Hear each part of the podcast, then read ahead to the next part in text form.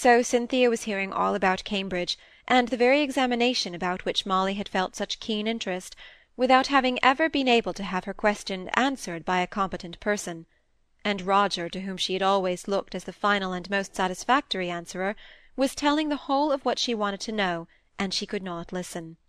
It took all her patience to make up little packets of counters, and settle, as the arbiter of the game, whether it would be better for the round or the oblong counters to be reckoned as six and when all was done, and every one sat in their places round the table, Roger and Cynthia had to be called twice before they came. They stood up, it is true, at the first sound of their names, but they did not move. Roger went on talking, Cynthia listening till the second call. When they hurried to the table and tried to appear, all on a sudden, quite interested in the great questions of the game, namely the price of three dozen counters, and whether, all things considered, it would be better to call the round counters or the oblong half a dozen each. Miss Browning, drumming the pack of cards on the table, and quite ready to begin dealing, decided the matter by saying, "Rounds are sixes, and three dozen counters cost sixpence. Pay up, if you please, and let us begin at once." Cynthia sat between Roger and William Orford, the young schoolboy who bitterly resented on this occasion his sister's habit of calling him willie as he thought it was this boyish sobriquet which prevented Cynthia from attending as much to him as to Mr. Roger Hamley. He also was charmed by the charmer, who found leisure to give him one or two of her sweet smiles. On his return home to his grandmamma's, he gave out one or two very decided and rather original opinions, quite opposed, as was natural, to his sister's. One was that after all a senior wrangler was no great shakes; any man might be one if he liked, but there were a lot of fellows that he knew who would be very sorry to go in for anything so slow. Molly thought the game would never end. She had no particular turn for gambling in her, and whatever her card might be, she regularly put on two counters, indifferent as to whether she won or lost. Cynthia, on the contrary, staked high, and was at one time very rich but ended by being in debt to Molly something like six shillings. She had forgotten her purse, she said, and was obliged to borrow from the more provident Molly, who was aware that the round game of which Miss Browning had spoken to her was likely to require money. If it was not a very merry affair for all the individuals concerned, it was a very noisy one on the whole. Molly thought it was going to last till midnight, but punctually as the clock struck nine, the little maid-servant staggered in under the weight of a tray loaded with sandwiches, cakes, and jelly. This brought on a general move, and Roger, who appeared to have been on the watch for something of the kind, came and took a chair by Molly. "I'm so glad to see you again.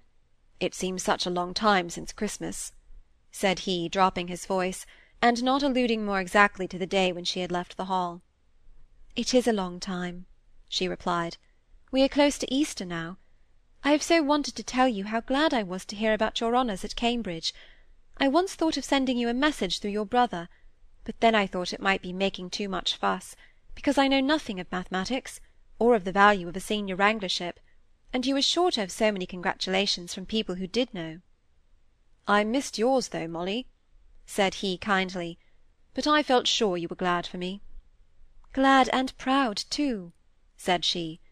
I should so like to hear something more about it. I heard you telling Cynthia. Yes, what a charming person she is. I should think you must be happier than we expected long ago. But tell me something about the senior wranglership, please, said Molly. It's a long story, and I ought to be helping the Miss Brownings to hand sandwiches. Besides, you wouldn't find it very interesting. It's so full of technical details. Cynthia looked very much interested, said Molly. Well, then I refer you to her, for I must go now. I can't for shame go on sitting here and letting those good ladies have all the trouble. But I shall come and call on Mrs. Gibson soon. Are you walking home to-night?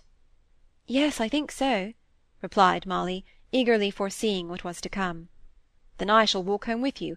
I left my horse at the George, and that's half-way. I suppose old Betty will allow me to accompany you and your sister. You used to describe her as something of a dragon.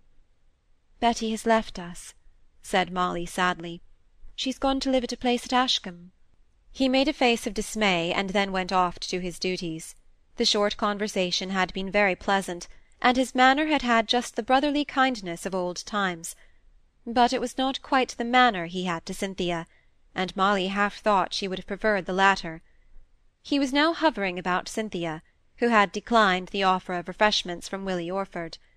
Roger was tempting her, and with playful entreaties urging her to take something from him. Every word they said could be heard by the whole room, yet every word was said, on Roger's part at least, as if he could not have spoken it in that peculiar manner to any one else. At length, and rather more because she was weary of being entreated than because it was his wish, Cynthia took a macaroon, and Roger seemed as happy as though she had crowned him with flowers. The whole affair was as trifling and commonplace as could be in itself, hardly worth noticing. And yet Molly did notice it, and felt uneasy, she could not tell why. As it turned out, it was a rainy night, and Mrs. Gibson sent a fly for the two girls instead of old Betty's substitute. Both Cynthia and Molly thought of the possibility of their taking the two Orford girls back to their grandmother's, and so saving them a wet walk; but Cynthia got the start in speaking about it, and the thanks and the implied praise for thoughtfulness were hers. When they got home, Mr. and Mrs. Gibson were sitting in the drawing-room, quite ready to be amused by any details of the evening. Cynthia began. "Oh, it wasn't very entertaining. One didn't expect that." And she yawned wearily. "Who were there?" asked Mr. Gibson. "Quite a young party, wasn't it?" "They'd only asked Lizzie and Fanny Orford and their brother, but Mr. Roger Hamley had ridden over and called on Miss Brownings, and they kept him to tea. No one else." "Roger Hamley there?" said Mr. Gibson. "He's come home, then. I must make time to ride over and see him." "You'd much better ask him here," said Mrs. Gibson. "Suppose you invite him and his brother to dine here on Friday, my dear. It would be a very pretty attention, I think." "My dear, these young Cambridge men have a very good taste in wine, and don't spare it. My cellar won't stand many of their attacks." "I didn't think you were so inhospitable, Mr. Gibson." "I'm not inhospitable, sure. If you'll put bitter beer in the corner of your notes of invitation, just as the smart people put quadrilles as a sign of the entertainment offered, we'll have Osborne and Roger to dinner any day you like. And what did you think of my favourite, Cynthia? You hadn't seen him before, I think." "Oh, he's nothing like so handsome as his brother, nor so polished, nor so easy to talk to. He entertained me for more than an hour with a long account of some examination or other. But there's something one likes about him." "Well, and Molly," said Mrs. Gibson, who piqued herself on being an impartial stepmother, and who always tried hard to make Molly talk as much as Cynthia. "What sort of an evening have you had?" "Very pleasant, thank you." Her heart a little belied her as she said this. She had not cared for the round game, and she would have cared for Roger's conversation. She had had what she was indifferent to, and not had what she would have liked. "We've had our unexpected visitor too," said Mr. Gibson. "Just after dinner, who should come in but Mr. Preston? I fancy he's having more of the management of the Hollingford property than formerly. Sheepshanks is getting an old man. And if so, I suspect we shall see a good deal of Preston. He's no blate, as they used to say in Scotland, and made himself quite a home to-night. If I'd asked him to stay, or indeed if I'd done anything but yawn, he'd have been here enow. But I defy any man to stay when I've a fit of yawning." "Do you like Mr. Preston, papa?" asked Molly. "About as much as I do half the men I meet. He talks well, and has seen a good deal. I know very little of him, except that he's my lord's steward, which is a guarantee for a good deal. Lady Harriet spoke pretty strongly against him that day I was with her at the Manor House. Lady Harriet's always full of fancies. She likes persons to-day and dislikes them to-morrow," said Mrs. Gibson, who was touched on her sore point whenever Molly quoted Lady Harriet, or said anything to imply ever so transitory an intimacy with her. "You must know a good deal about Mr. Preston, my dear. I suppose you saw a good deal of him at Ashcombe." Mrs. Gibson coloured, and looked at Cynthia before she replied. Cynthia's face was set into a determination not to speak, however much she might be referred to. "Yes, we saw him a good deal, at one time, I mean. He's changeable, I think. But he always sent us game, and sometimes fruit. There were some stories against him, but I never believed them." "What kind of stories?" said Mr. Gibson quickly. "Oh, vague stories, you know, scandal, I dare say. No one ever believed them. He could be so agreeable if he chose and my lord, who is so very particular, would never have kept him as an agent if they were true. Not that I ever knew what they were, for I consider all scandal as abominable gossip." "I am very glad I yawned in his face," said Mr. Gibson. "I hope he'll take the hint." If it was one of your giant gapes, papa, I should call it more than a hint," said Molly. "And if you want a yawning chorus the next time he comes, I'll join in. Won't you, Cynthia?" "I don't know," replied the latter shortly, as she lighted her bed-candle. The two girls had usually some nightly conversation in one or other of their bedrooms, but to-night Cynthia said something or other about being terribly tired, and hastily shut her door. The very next day Roger came to pay his promised call.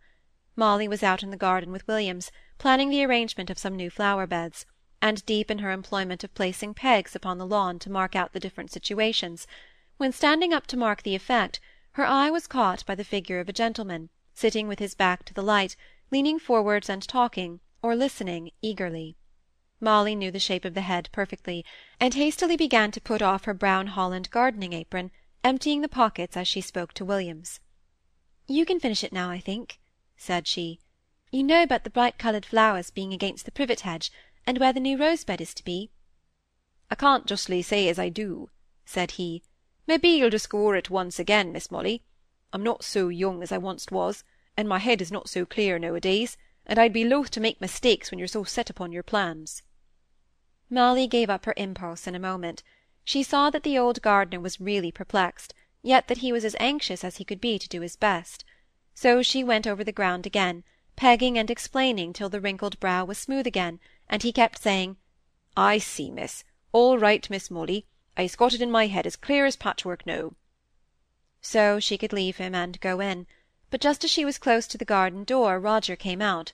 It really was for once a case of virtue its own reward, for it was far pleasanter to her to have him in a tete-a-tete, however short, than in the restraint of Mrs Gibson's and Cynthia's presence. "I only just found out where you were, Molly. Mrs Gibson said you had gone out, but she didn't know where, and it was the greatest chance that I turned round and saw you." "I saw you some time ago, but I couldn't leave Williams. I think he was unusually slow to-day and he seemed as if he couldn't understand my plans for the new flower-beds. Is that the paper you've got in your hand? Let me look at it, will you? Ah, I see, you've borrowed some of your ideas from our garden at home, haven't you? This bed of scarlet geraniums with the border of young oaks pegged down. That was a fancy of my dear mother's. They were both silent for a minute or two.